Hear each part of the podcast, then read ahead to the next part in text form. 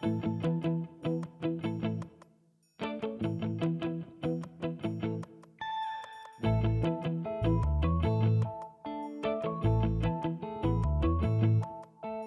Women Peloton Podcast. Loopt je verzekering op wieltjes? Yuzu, verrassend vlot verzekerd. Welkom bij alweer een nieuwe aflevering van de The Women Peloton podcast. In deze episode praat ik met een jonge dame die toch wel een pittig staaltje kan fietsen en niet vies is van wat modder. Elodie Kuiper is net terug van het WK Mountainbike Eliminator in Barcelona, maar ik vrees dat er haar weinig rust gegund is, want het crossseizoen staat alweer voor de deur. Dit alles combineert ze dan ook nog eens met haar studies marketing en communicatie en ze heeft mij ook net verteld dat ze een eigen bedrijf heeft. Ik wil vandaag vooral weten van Elodie hoe ze de smaak van het fietsen te pakken heeft gekregen, waarom ze vooral kiest voor modder en dikke banden, wat haar doelen zijn in het wielrennen en hoe ze dit allemaal klaar krijgt in combinatie met al de rest wat ze nog doet. Welkom Elodie in onze podcast. Heel erg bedankt. Ik ben heel erg blij dat je me hebt uitgenodigd. Ja, ik ben heel blij dat je wil komen, want ja, ik volg jou op Instagram uiteraard, zoals heel veel mensen heb ik gezien. En uh, je hebt wel super fijne avonturen al meegemaakt de laatste jaren, heb ik de indruk. Dat zeker. Ik ben echt heel erg, uh, hoe je dat zeggen, ja, heel erg trots op mezelf dat het allemaal uh, maar zo is bijeengekomen. Ik had dat eigenlijk nooit niet durven dromen. Ja. En toch is het allemaal bijeengekomen. Ja, gelukt. Maar daar gaan we straks verder over praten. Uh, maar zoals altijd begin ik eigenlijk met dezelfde vraag. En dat is, hoe ben je ooit in het wielrennen terechtgekomen? Um, ja, ik denk dat het eigenlijk gewoon een klassiek verhaal is... waarin iemand in de familie, in mijn geval mijn vader... Uh, altijd veldrijder was geweest. En hij heeft echt tien jaar lang tegen mij lopen zaaien van... oh, kom, kom, fietsen, fietsen, fietsen, fietsen, fietsen. En ik heb altijd gezegd, nee, ik wil niet fietsen. Ik heb echt superveel sporten gedaan, van lange baan schaatsen, kunstschaatsen, uh, ballet, uh, Ja. voetbal, van alles, tennis. En ik zei altijd, nee, ik wil dat niet, ik wil dat niet. En op een gegeven moment, uh, ineens was er een switch in mijn hoofd. Ik zeg, ja, ik wil graag fietsen. en toen stond er nog geen twee weken later een, een nieuwe fiets. Helemaal gespoten in de kleuren die ik wou, met mijn naam erop. En hij zegt, ja, nu kunnen we gaan fietsen, hè. Ieder weekend en iedere woensdag. En kom, kom, kom, kom, kom. En toen was ze van, oh ja, oké dan. maar het was wel echt een crossfiets. Ja, een crossfiets. Ja, je hebt nooit echt op de weg gefietst. Of zowel ja. om te trainen, maar... Ja, wel, ik heb ook op de weg gefietst. Ik heb ook in een UC-ploeg gezeten op de weg. Ah. Alleen een jaartje bij uh, Healthmate. Alleen ik denk dat bijna iedereen in België wel weet hoe die ploeg is geëindigd. Niet een heel leuk verhaal. Nee. En um, vanaf toen heb ik ook zeg maar beslist van ik wil eigenlijk niet meer op de weg rijden. Ja. Dus cross heeft altijd jouw voorliefde gehad. Dat zeker. en wat, wat maakt crossen zo speciaal? Waarom vind jij dat toffer dan op de weg fietsen? Dat ik snap het volledig trouwens. Omdat het iedere week gewoon iets heel anders is. Je hebt altijd andere parcoursen. Je moet altijd nadenken van hoe ga ik het beste deze bocht pakken? Um, welke banden heb ik nodig? Welke druk ga ik rijden? Waar voel ik me comfortabel bij? En het is gewoon altijd iets nieuws. Het is niet zoals op de weg. Het is natuurlijk ook altijd een ander parcours. Maar de basis is eigenlijk altijd hetzelfde. Je ja. altijd een bocht pakken en zien dat je zo ver mogelijk in het peloton blijft rijden. Als er een aanvalt, moet je mee. Uh, bij de vrouw is het vaak natuurlijk een sprint. Ja. ja. dan blijf je maar gewoon zitten totdat het sprint is. nou, je laat het wel heel makkelijk klinken, crossen. Misschien moet ik het ook eens proberen. heb je dan ook, omdat je zegt vaak bochten pa pakken, heb jij een goede kant en een slechte kant? Um, ja, ik denk altijd meer als ik zeg maar naar links draai, dat mijn bochten altijd iets beter zijn. Ik weet niet of dat te maken heeft met, uh, ja, ik weet niet. Ik denk dat dat gewoon een, een vertrouwdere Ja, kant ja. is, dat je vaker die bochten hebt gepakt dan de andere kant. Maar ja, eigenlijk moet je op allebei natuurlijk wel. Ja, ja. Maar ja, dus van, zijn- van zichzelf gaat dat. Ik heb ook echt een goede kant en een heel slechte kant. Aan de ene kant kan ik goed bochten nemen en aan de andere kant lijkt het alsof dat ik nog nooit met een fiets heb gereden. Maar ja, wist je dan ook al heel snel als je jonger was van, je bent nu nog steeds trouwens jong, je bent nu 22. 22 jaar. hè. Dat is wel belangrijk om te weten, zeker als je doorhebt wat ze al allemaal doet. Ehm, maar heb je dan altijd al van jongs af aan iets gehad van dat is iets waar ik verder in wil gaan? Dat is iets wat ik eventueel misschien professioneel wil gaan doen of, of, of mijn job wil van gaan maken? Ik heb altijd gezegd dat ik wel, net zoals mijn vader, eh, professioneel veldrijder zou willen worden. Alleen, ja, ik ga nu niet zeggen dat ik super slecht ben erin, want ik vind eigenlijk wel van mezelf even een Nederlands trekje dat ik nu ga zeggen dat ik mezelf nog redelijk oké vind. Maar dat ik, nog, ik kan nog echt wel met de fiets rijden. Alleen de dames in Nederland zijn gewoon zo goed Ja, dat het echt super moeilijk is voor bij de top te geraken.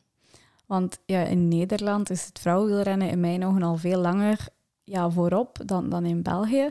Wat is het geheim van de Nederlandse meisjes? Ja, ik denk toch gewoon die begeleiding die je er ook wel krijgt. Want eh, bijvoorbeeld, ik heb een, jarenlang op woensdag hebben we altijd training gehad. En Ja. dat deed dan in Alphen. En dan gingen we met iedereen eigenlijk crosstrainingen doen. En iedereen was bij elkaar en het werd allemaal ondersteund. En eh, dat wel, je leert daar gewoon heel erg veel van. Want als je natuurlijk rijdt met iemand die veel beter is, dan kun je jezelf veel aan optrekken. Ja, En dat was altijd wel heel erg fijn. Dat, ehm, bijvoorbeeld ja, een paar jaar geleden, dan, toen Sofie Sophie de Boer nog reed, toen reden we dan met Sophie de Boer. En daar kun je dan heel erg veel van leren, van die technieken van die meiden. ja, En soms dan, als er dan heel weinig mensen waren, dan deed eh, bijvoorbeeld Gerbe, de knecht als de bondscoach van Nederland, die deed dan ook de groepen samen. Waardoor je dan bijvoorbeeld ook eh, soms eens een keer met een Lars van der Haal of zo mocht fietsen. En ja, gewoon door die mensen te zien rijden, ook al is dat, je kunt dat natuurlijk zo ook op tv zien, maar in real life is dat toch heel anders. En, Ja. en je ziet toch hoe ze de bochten pakken en hoe ze doen. En dat is altijd wel heel erg fijn, vind ik. ja, ja, ja. Ja, en jullie hebben ook natuurlijk Mathieu van der Poel. Ik denk een van de grootste boegbeelden qua combinatie wegwielrennen, mountainbike. Eh wat doet hij dan nog? Hij gaat ook het gravel starten, zeker? Ja, hij gaat deze zondag is die. Ja, ja, ja. Dus ja, dat is gewoon... eh, ja, in Nederland vind ik dat altijd fenomenaal hoe dat, dat zo voorop staat. Precies. Ik wou dat ik in Nederland geboren was. Ehm, voor de duidelijkheid, je bent nu wel geen profielrenster. Nee, ik hoor eh, door niemand betaald voor eh, om een fiets te kruipen iedere dag. maar je doet het wel. ja, ik doe het wel. Soms dan moet ik ook zeggen dat ik er ook echt helemaal geen zin in heb, heb hoor. Want soms dan word ik echt heel erg overprikkeld. En dan vind ik het zo moeilijk om op de fiets te stappen. Ja, Als ik dan iets aan mijn hoofd heb bijvoorbeeld, dan heb ik of dan heb ik nog schoolprojecten. Dan moet ik nog voor mijn eigen klanten bijvoorbeeld eh, berichten inplannen. En eh, soms is dat gewoon echt veel te veel. En dan voel ik me altijd s'avonds ook wel heel erg schuldig dat ik niet ben gaan fietsen. En dan voel ik me ook schuldig tegenover mijn trainer, want ik heb ook een trainer. ja. dat ik die training niet heb gedaan.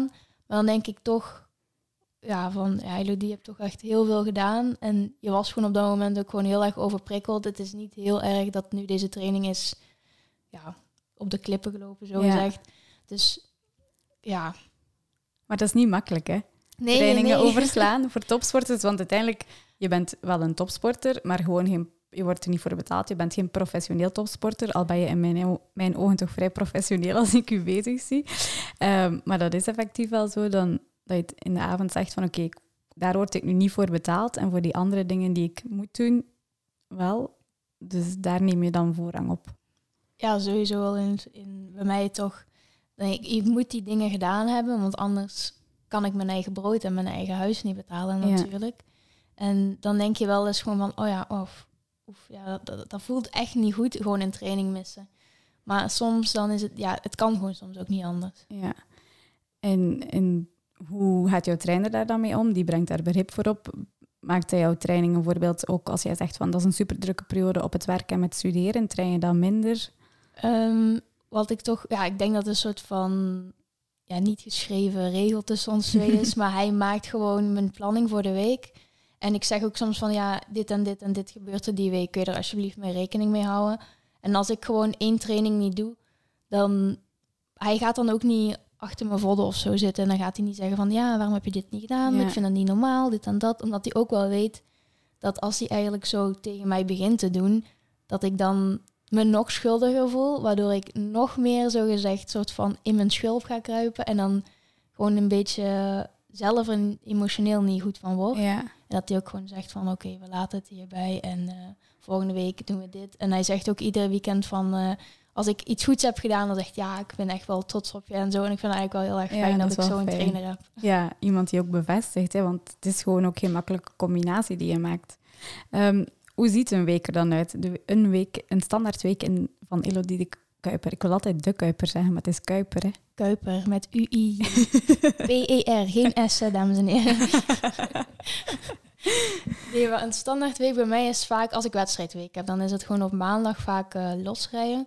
Op dinsdag doen we vaak intervaltrainingen. Op woensdag is het dan vaak cross, mountainbike training. Ligt er een beetje aan welke periode van het jaar het is. Woensdag hebben we dan terug intervaltraining. eh, of donderdag, sorry. Donderdag intervaltraining of duurtraining. Op vrijdag ook weer wat duur. En dan op zaterdag, dan hebben we wedstrijdvoorbereidingen. Dus wat een beetje twee uurtjes is, anderhalf met korte sprintjes vaak. En op zondag wedstrijd. En hoe combineer je dat dan specifiek met jouw werk en jouw studies? Is dat dan, studeer je van op afstand? Ga je echt naar school? Dus dit wil ik iedereen aanraden die ook graag sport en ook gewoon topsporter wil zijn. Ik heb nu het perfecte gevonden in België. Ik ga alleen s'avonds naar school. Ah, ik ja. doe dus zeg maar avondschool. En ik heb hetzelfde diploma als iedere andere student die ook mijn opleiding volgt. Alleen moet ik alleen op eh, dinsdag, donderdag en zaterdag naar school. En toevallig dit jaar ook op woensdag, omdat ik eigenlijk mijn diploma wil halen binnen twee jaar in plaats van drie jaar. Want normaal gezien duurt de studie drie jaar. Ja. Maar ik had vorig jaar gemerkt dat het eigenlijk zo makkelijk ging voor mij. Dat ik zei van ik ga dit jaar extra vakken doen. Zodat ik eh, volgend jaar eigenlijk gewoon Ja. afgestudeerd ben. En het is gewoon heel fijn, want ik moet om half zeven naar school tot tien uur s'avonds. Maar ja, wat doe je anders door de week? Ja, je zit gewoon in de bank. Ja, ja. Of Dus- tv te kijken ja. of niks nuttig te doen. Je doet niks nuttigs s'avonds. Dus ik dacht van, dan kan ik net zo goed overdag gewoon eh, werken en gaan trainen. Want het is ook überhaupt licht in de winter. Dus Ja. dat is veel fijner voor mij. En dan s'avonds als het donker is, kan ik gewoon naar school Ja. gaan. Amai, super slim. ja, want veel gaan dan bijvoorbeeld wel naar de hogeschool, maar doen dat effectief overdag en nemen minder vakken op, waardoor dat ze er bijvoorbeeld zes jaar over doen in plaats van drie jaar.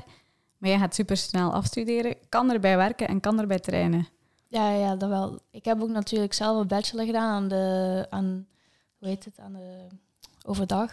Maar dat was echt niks van mij, want ik zag gewoon, dan kwam je bijvoorbeeld om vier uur thuis. Maar ja, als vrouw zijnde, ik durf, ik ben heel eerlijk, ik durf niet s'avonds eigenlijk in het donker te gaan Ja. fietsen. Ik voel me daar totaal niet veilig bij. Dat mijn vriend dan soms wel zoiets zegt van, ja, maar ja, gaat toch gewoon weer in het donker. En dan heb ik zoiets van, ja, maar nee, gast, ik, nee, ik vind dat echt niet. Nee, Ja. nee, ik vind dat echt verschrikkelijk. Tenzij dat hij bijvoorbeeld soms komen we elkaar tegen en dan moet ik maar 20 minuten alleen in het donker rijden. Dan wil ik dan op zich nog wel doen. Ja, maar ik voel me dan nooit niet op mijn gemak in ieder geval. En zo kan ik gewoon overdag trainen en eh nooit niet in het donker. Nee, nee. Heb je, omdat je daar nu over begint, dat is iets wat we eigenlijk nog nooit in een podcast besproken hebben, je veilig voelen op de fiets als meisje. Heb je al situaties meegemaakt waarbij dat je zegt van, hier vond, vond, wel even, dit vond ik echt niet fijn? Ehm, ja, op trainingen nog niet echt heel erg vaak. Wel heb ik soms dus dat er zo wat auto's zo, ja, hoe moet je dat zeggen, mottig op je beginnen te Mhm. doen. Omdat je dan, ik heb bijvoorbeeld ooit eens een keer gehad dat ik eh, juist de brug overstak. Alleen in België stopt soms gewoon de weg ineens. En dan moet je naar de overkant. Maar ik had dat dus niet in de gaten dat dat was, aan de hand was. En toen begonnen er auto's ineens allemaal op mij te tuteren. En die begonnen mij zo hard voorbij te rijden dat ik eigenlijk een beetje schrik kreeg. Ja, Terwijl ik dat op dat moment gewoon echt niet in de gaten had. Want ik snap dat dat vervelend is voor die auto's. Want ik heb dat ook als ik in de auto rijd en ik zie een fietser rijden op een plek terwijl er een fietspad is. Maar dat was echt... Ik had het gewoon niet in de gaten. ja, ja. En het was echt net 50 meter nadat dat stop... Of dat eh, fietspad was opgehouden. dan dacht ik van, ja, maar jongens, kalm even. ja. Terwijl ik wel eens in heb gehad. ehm, in Spanje moet ik eigenlijk zeggen, er zijn heel veel meisjes die altijd tegen mij zeggen van ja, dan gaan we naar Spanje, maar we gaan alleen fietsen. Maar ik vind dat toch eigenlijk helemaal niet zo fijn. Terwijl ik dat eigenlijk in Spanje wel altijd heel eh, rustgevend vind. En wat ik eigenlijk ook als tips aan die meisjes ook vaak meegeef is, je hebt tegenwoordig airtags. Neem Ja. er gewoon één mee. Ik stuur altijd als ik alleen ga fietsen en ik heb zoiets van, "Hmm, het voelt toch niet 100% te goed stuur ik altijd eh, mijn locatie naar mijn vriend toe en naar mijn moeder, dat ze weten waar ik ben. ja. Ik stuur ook vaak ook, bijvoorbeeld in Spanje, stuur ik dan ook de route door naar mijn vriend die ik ga rijden. Dat ze weten welke ik ga rijden en dan kan hij ook ongeveer uitrekenen hoe lang ik weg ben. ja. Dus als ik bijvoorbeeld 100 kilometer ga doen, dat hij weet als ik na zeven uur niet terug ben, dat hij eens moet gaan kijken waar ik ben natuurlijk. En dat zijn zo wel dingen die ik vind dat je mm, ja, een beetje rustig Ja, maakt, ja. toch? Ja, dat zijn super goede tips. Want uiteraard, als je dan ook mountainbikes, ga je waarschijnlijk ook vaak in het bos gaan mountainbiken. Dat, dat is voor mij altijd een moeilijke, vind ik. Want dan denk ik, ja, als ik hier val, stomweg op een steen met mijn hoofd, weet ik het. Ja, en er passeert hier niemand in de eerstkomende twee uur, dan lig je daar wel. Dus ik doe dat ook altijd mijn locatie aanzetten. Ja, en wat ik ook vind tegenwoordig, wat je bijvoorbeeld hebt bij die Apple Watches tegenwoordig. Ik neem ook heel vaak mijn Apple Watch gewoon mee achter in mijn zak. Want als gelijk dat je zegt, als je valt en je crasht, ja, je kunt niemand niet meer bellen. Maar wat hebben die Apple Watches tegenwoordig? Die hebben die crash detection. Ja. Dus als je dan valt, en dat, je moet dat ding niet per se aan hebben, maar als je in je zak zit en je valt, dan, en je reageert niet op die, eh, tele, of ja, op die Apple Watch, dan, Ja. dan belt hij gelijk ook degene die als emergency contact Ja. hebt. Ja. We hebben het nu over het mountainbiken, hè, daarnet over de cross. Wanneer heb je eigenlijk ontdekt dat je dan ook goed bent in het mountainbiken? Ehm, hele goede vraag. Of waarom heb je opeens gedacht, ik ga nu ook mountainbiken? Ja, toen met dat hele healthmate, ik had daar zo'n slechte ervaringen gehad. En ik was er ook eigenlijk zo klaar mee op de weg te rijden. En ik had eh, destijds ook een trainer die heel de tijd tegen mij bezig was van... Ja, je moet op de weg rijden voor de snelheid en dit en dat en zo en zus. Maar ik werd daar zo boos van dat ik daar op de weg moest rijden. Ik vond dat zo niet plezant. Ja, Dat ik op een gegeven moment van trainer ben geswitcht. En mijn trainer zei van, ja, weet je wat je ook gewoon voor de snelheid kunt doen? Ga op Zolder rijden. In Limburg heb je natuurlijk het circuit van Zolder. Dan kun je s'avonds gewoon Ja. trainen. Rijd daar gewoon twee uur met een snelle groep mee. En je hebt ook je snelheid getraind, zei hij. Want dat is ook gewoon maar eigenlijk twee Ja. uur een koers. Gelijk dat je normaal gezien met een vrouw ook twee uur een koers zou rijden. ja. Toen zei ik van, oh ja, oké, dat is wel een goed idee. En toen zei ik, ja, maar ja, wat moet ik dan in de zomer gaan doen? toen zei hij, ja, misschien op de mountainbike gaan rijden of zo. Toen dacht ik, ah ja, eh, ik had dat, ik had dat zo'n eh, een jaar eerder ook al geprobeerd op de mountainbike te rijden. Bij een ploeg. En dat vond ik eigenlijk wel heel erg leuk. Alleen ik had totaal geen techniek. Ik kon geen bocht niet pakken. Dat was echt, eh, ik was echt crossertje tussen de mountainbikers, zeg maar omdat ook, ja, als je op de crossfiets rijdt, ben je gewend van ah, niet over bomen rijden, niet over de wortels, niet over de stenen, dit en dat. En met een mountainbike kun je gewoon overal poef, overheen, maakt niet uit, dit, dat, zo, zus. Dus eh, dat was altijd in het begin wel even aanpassen. ja, ja. Dan kan ik hierover? Ja, ja, dat lukt, dat lukt, dat lukt. En hoe lang was dat geleden dan? Eh, dat was een twee jaar geleden. En toen ben ik ook op een paar wedstrijden beginnen rijden. En nu, sinds, ja, in februari heb ik dan zo gezegd mijn tweede seizoen als mountainbiker echt gestart. Ja. En ik had eh, in het begin van het jaar had ik een, eh, een hardtail. en eh, gelukkig, naarmate dat ik ja, meer plannen kreeg voor mountainbike te doen. Want eigenlijk was het aan het begin van het jaar mijn plan voor marathons te rijden dit jaar. Want dat leek me echt super tof. Ehm, ja, toen kwam ik ook ineens kortere wedstrijden tegen. Ineens uit het niks kwam dat op mijn pad. En eh, toen heb ik eigenlijk een combinatie gedaan van de twee. ja, want die kortere wedstrijden zijn dan die City Mountainbike Ja. wedstrijden of de Illuminator wedstrijden. Mhm. Wedstrijden. Wedstrijden.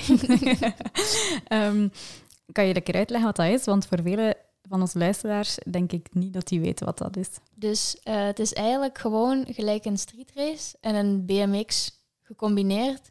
Dus je hebt eerst eh, kwalificaties in een tijdrit. Dan eh, gaan bij de vrouwen vaak de eerste 16 door en dan ga je naar de kwartfinales. Ja. En dan moet je per vier in een heat. En dan de eerste, de eerste twee gaan elke keer door, eh, totdat dan uiteindelijk de winnaar bekend is. Ja, En ehm, je hebt dan ook altijd de kleine finale en dan de grote finale. En dan degene die daar in de grote finale als eerste over de meet komt, is eerste, tweede, derde ja. en zo. ja, effectief een beetje zoals BMX dan. Ja. Die werken ook zo, denk ik. En ehm, dat is altijd super internationaal, vind ik. Het veld eenal dat meedoet van vrouwen, maar ook de plaatsen waar je naartoe mag reizen. Allee, of mag reizen. Moet reizen om die wedstrijden te rijden. Ja, dat wel, want ik heb dit jaar, ik heb denk ik nog nooit niet zoveel plekken in mijn, eh, in mijn leven gezien. We zijn dit jaar naar eh, Abu Dhabi gegaan, we zijn naar Falun in Zweden geweest, we zijn twee keer naar Duitsland geweest, we zijn twee keer in België geweest. ehm, Ook hier in Leuven, hè? Ja. Niet? Ja, hè? In. Leuven en Oudenaarde zijn we geweest dit jaar. En ehm, ze zijn ook naar Azië geweest. eh, naar eh, Indonesië en naar India. Ja. Alleen toen kon ik niet mee, want ik moest werken. Oh. En we zijn ook naar Turkije geweest meerdere keren. Ja. Dus eh, Dat is wel vet. Is dat dan met een nationale selectie of hoe gaat het dan? Nee, je kunt je zeg maar gewoon dan inschrijven voor die wedstrijden. Want het zijn wereldbekers. Alleen je moet wel een aantal UCI-punten hebben voor mee te mogen doen dan, zo gezegd. En eh, ja, je kunt eigenlijk gewoon uitproberen. Ja. En je vertelde daarnet dat die eerste wedstrijd in Abu Dhabi was, die, dat die Ja. heel onverwachts kwam. Ja, ik weet het nog, want eh, dus eh, een van mijn goede vriendinnen, Didi de Vries, die, ehm, ja, dat, dit is eigenlijk haar, haar, haar discipline, zeg maar, van, ehm, Ja. van, van vroeger af aan al. En ehm, zij stuurde mij ineens een bericht. Ik denk, het was pff, 30 uur voor de wedstrijd in Abu Dhabi of zo. Ze is een bericht. Ja, en eh, er is een Frans meisje en die kan niet komen, want die heeft COVID. Ja, zou jij niet af willen komen naar Abu Dhabi? Dus ik zo, ehm, eh, eh, ja, oké, oké. dus ik zou mijn vriend vragen. Ik zo, ja, wow, ja, ik Abu Dhabi. Wow. En hij zo, ja, maar wanneer is dat dan? Dus we waren s'nachts om drie uur s'nachts nog probeerden we vliegtickets te boeken met, met mijn fiets erbij. En toen, s ochtends om negen uur, moest ik al op het vliegveld staan. En eh, dus ik in dat vliegtuig, ik dacht, oh, chill. Wow, ik kan, eh, kan morgen nog een keer verkenning doen. Want ik dacht dat de wedstrijd op zaterdag was, of zondag was, maar hij was op zaterdag. Dus ik kwam daar aan en ik heb alleen in de ochtend kunnen verkennen. En- Echt? ja. Toen kregen we in de ochtend kregen we echt een half uur. De, of ja, we, we hadden een hele ochtend de tijd eigenlijk voor te verkennen. Maar Abu Dhabi is zo warm dat we kwamen daar aan om tien uur. Maar om half elf was het gewoon al zo warm dat we teruggegaan zijn moeten. Want het was gewoon niet meer te doen. ja. Kon ja, niet dat is ook aan. niet fijn als het zo warm is. Dan kan je dat gewoon niet aan, inderdaad. Nee. En toen eh, ja, was s'avonds dan de wedstrijd en dan was zat daar een drop in. Alleen ik kan jullie zeggen, back in the days, oh ja, begin van dit jaar, kon ik nog geen drop niet doen. Ja. Ik durf dat dus helemaal niet. En wie heeft het jou geleerd? Eh, Inge, Inge, die ook al in de podcast is geweest. Inge Rogeman. Ja. die heeft mij een paar van die drops geleerd. Maar deze was dus veel hoger dan ik met Inge had gedaan. Dus ik zat daar zo van, wat is dit, wat is dit, wat is dit, wat is dit? En toen kwam dus mijn vriendin Didi en die zei, weet je wat je gewoon moet doen? Gewoon achter mij aan. Gewoon naar mijn wiel kijken. En dat is dus tegenwoordig gewoon mijn trick. Als ik iets niet durf, dan rijd ik gewoon achter iemand aan en je moet alleen naar dat wiel kijken. ja. En dan doe je dat gewoon. En toen, ik vloog daar van dat ding af. En ik denk dat ik daarna ineens hartslag 100, 210 had. Zo'n hartaanval had ik gekregen. En ehm, ja, het was ook gelijk een van mijn beste, betere wedstrijden.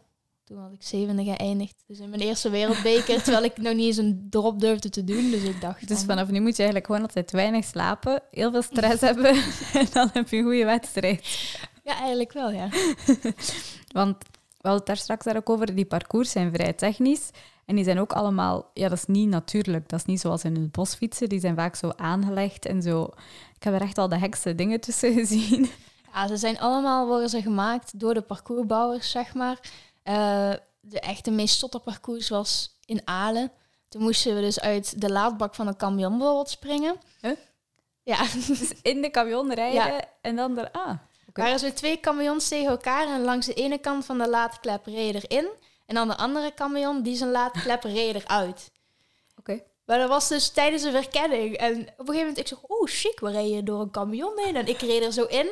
En ik had niet in de gaten dat dat een drop was. En ineens was dat geen plankje niet. Maar gelukkig deed ik niet een matjeuken. Maar ik sprong er wel te goed uit. En ik lag daar niet op mijn gezicht. Maar ik dacht zo van, oh, oh jong. Dat was hier dus wel niet de bedoeling eigenlijk. Maar je durft eigenlijk wel veel. Want voor iemand die bij wijze van spreken in januari nog geen drop reed, heb je nu ja, het wereldkampioenschap gereden in Barcelona. Op een jaar tijd heb je wel, ja, nog geen jaar tijd, heel, heel veel stappen gezet. Ja, dat wel. Maar dat is echt ook gewoon zo erg te danken aan, we noemen het altijd maar de City Mountainbike familie. Iedereen die daar meedoet. Iedereen daar is gewoon super technisch. En ze leren je ook alles. En als je iets vraagt, ehm, dan komen ze ook altijd helpen. Dus ze hebben bijvoorbeeld ook de wereldkampioen eh, Gaia. Als ik aan haar vroeg van, ja, sorry, maar ik, ik kan iets echt niet. Of ik durf iets echt niet. Dan laten ze dat ook gewoon echt Ja, heel netjes zien. En mooi. dat, dat vond ik altijd wel, ik vind ik wel echt super fijn aan, aan de City Mountainbike familie zo Ja. gezegd. Want ik weet nog op de weg bijvoorbeeld, als ik dan iets vroeg van ja, ik, ik snap iets niet of ik krijg deze bocht niet gepakt, dan was dat dan ja, zoek het maar zelf uit. Of doe maar dit of doe maar dat. Ja, dat is wel jammer.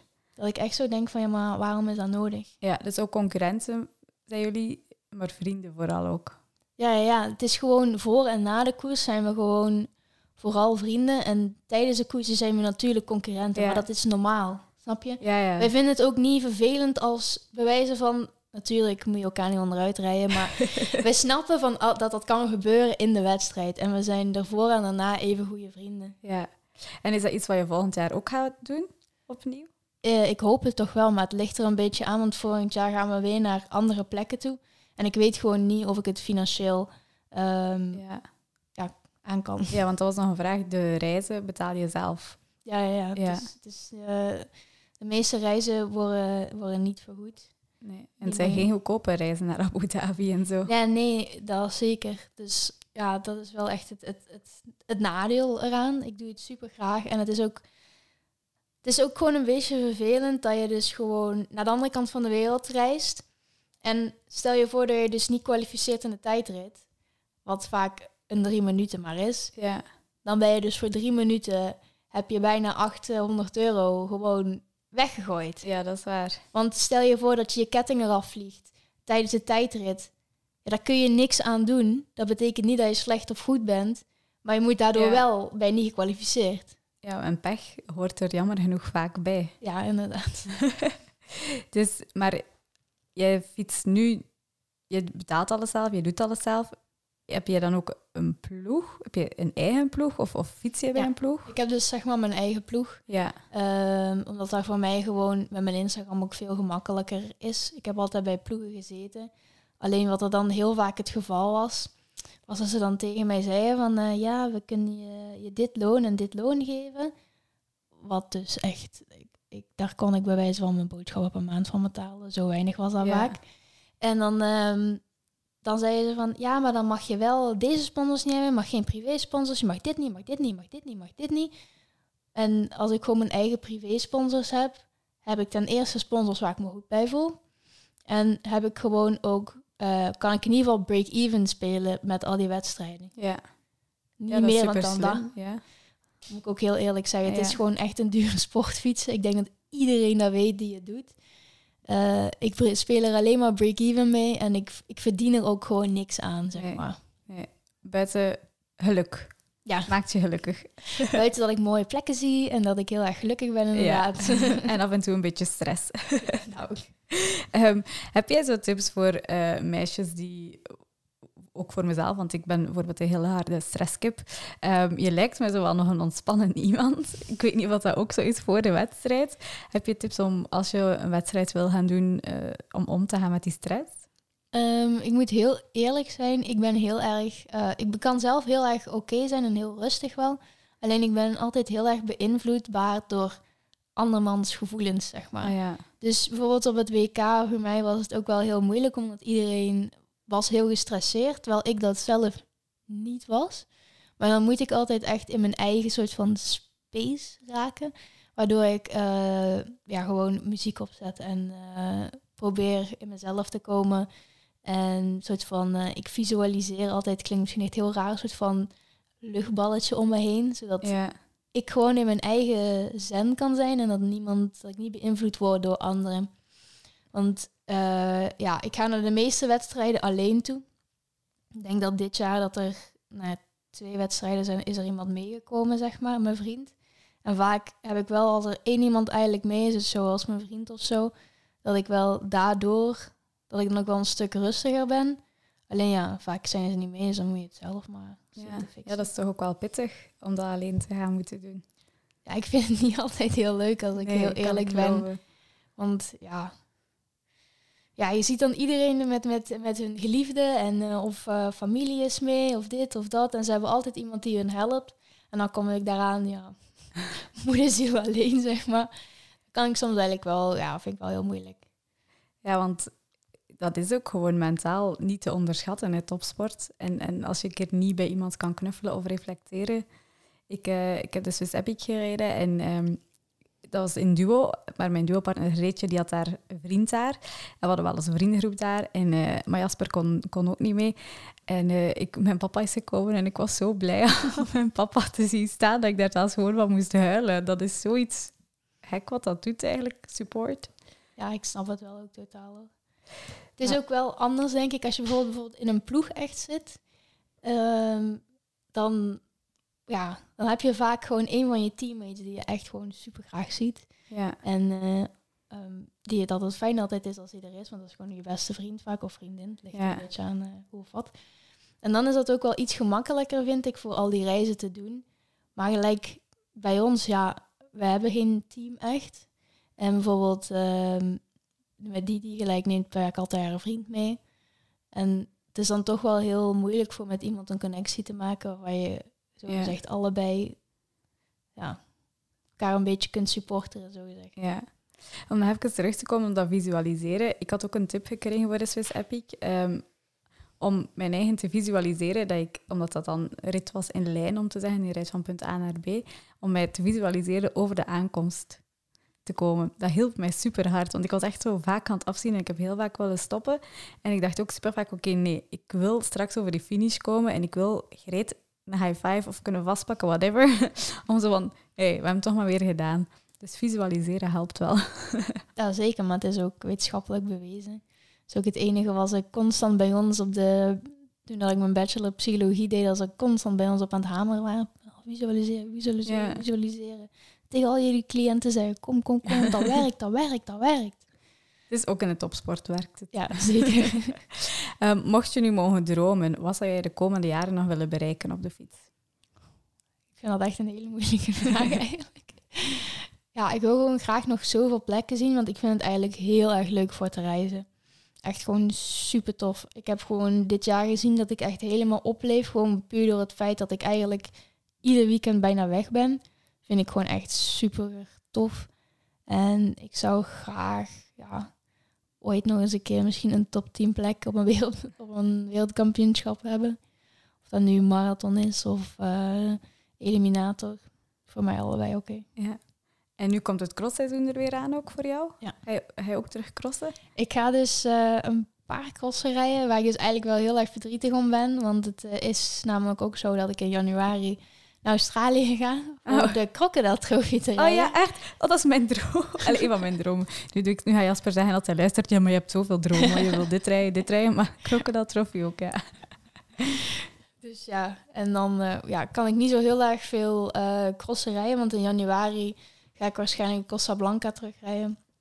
In januari. En dan in maart is alweer de eerste wereldbeker. Ja. op eh, met de eliminator. Dus kan niet heel veel crossen rijden waar ik heel erg verdrietig om ben, want ik blijf voor altijd crossen het eigenlijk het leukste vinden. Maar ja, Keuzes maken. inderdaad. Mocht jij nu de fiets niet ontdekt hebben in het leven, wie zou Elodie dan zijn? Goh, ehm, dit gaat nu echt heel erg depressief klinken misschien, maar ik denk dat ik dan, eh, ik denk dat ik dan echt iemand was geweest die nu totaal ehm, haar leven gewoon echt niet op orde had, niet, niet zoeken, dat constant zoekende naar iets beters. Want mijn vader is overleden toen dat ik tien was. En fietsen heeft me wel echt geholpen voor niet op het slechte Ja. pad te komen. Omdat ik constant in mijn hoofd had van...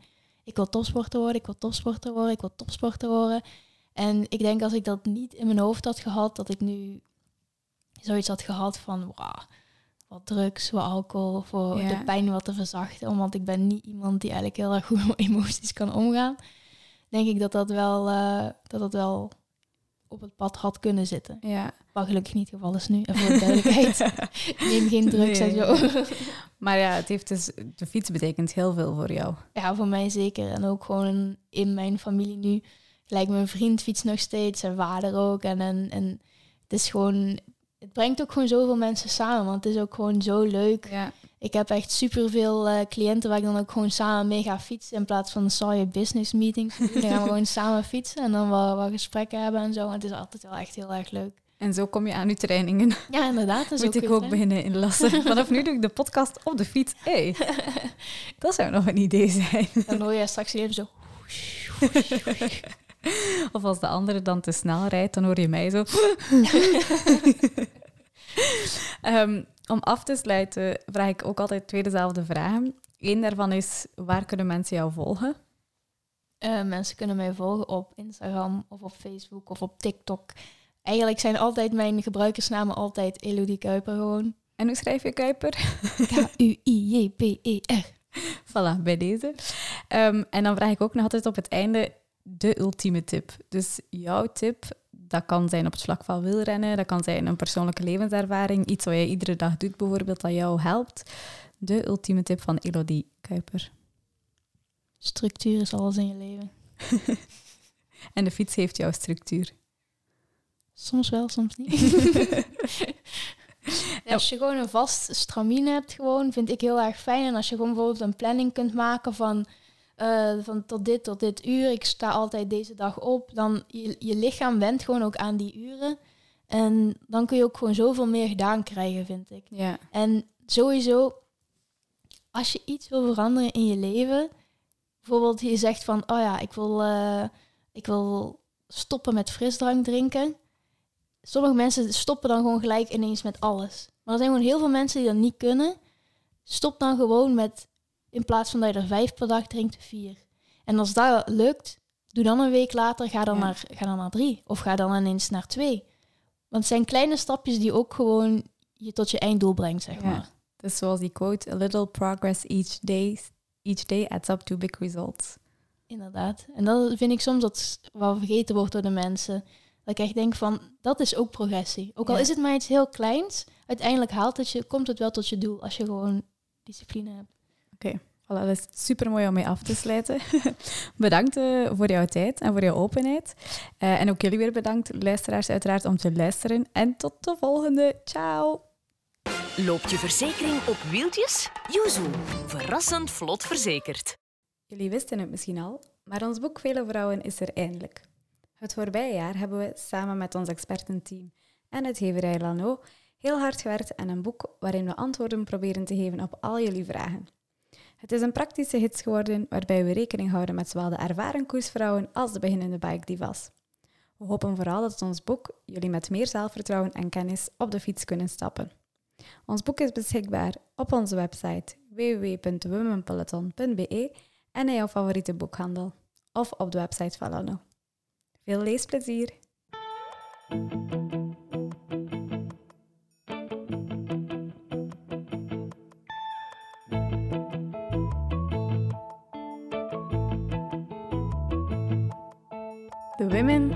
De Women Peloton Podcast.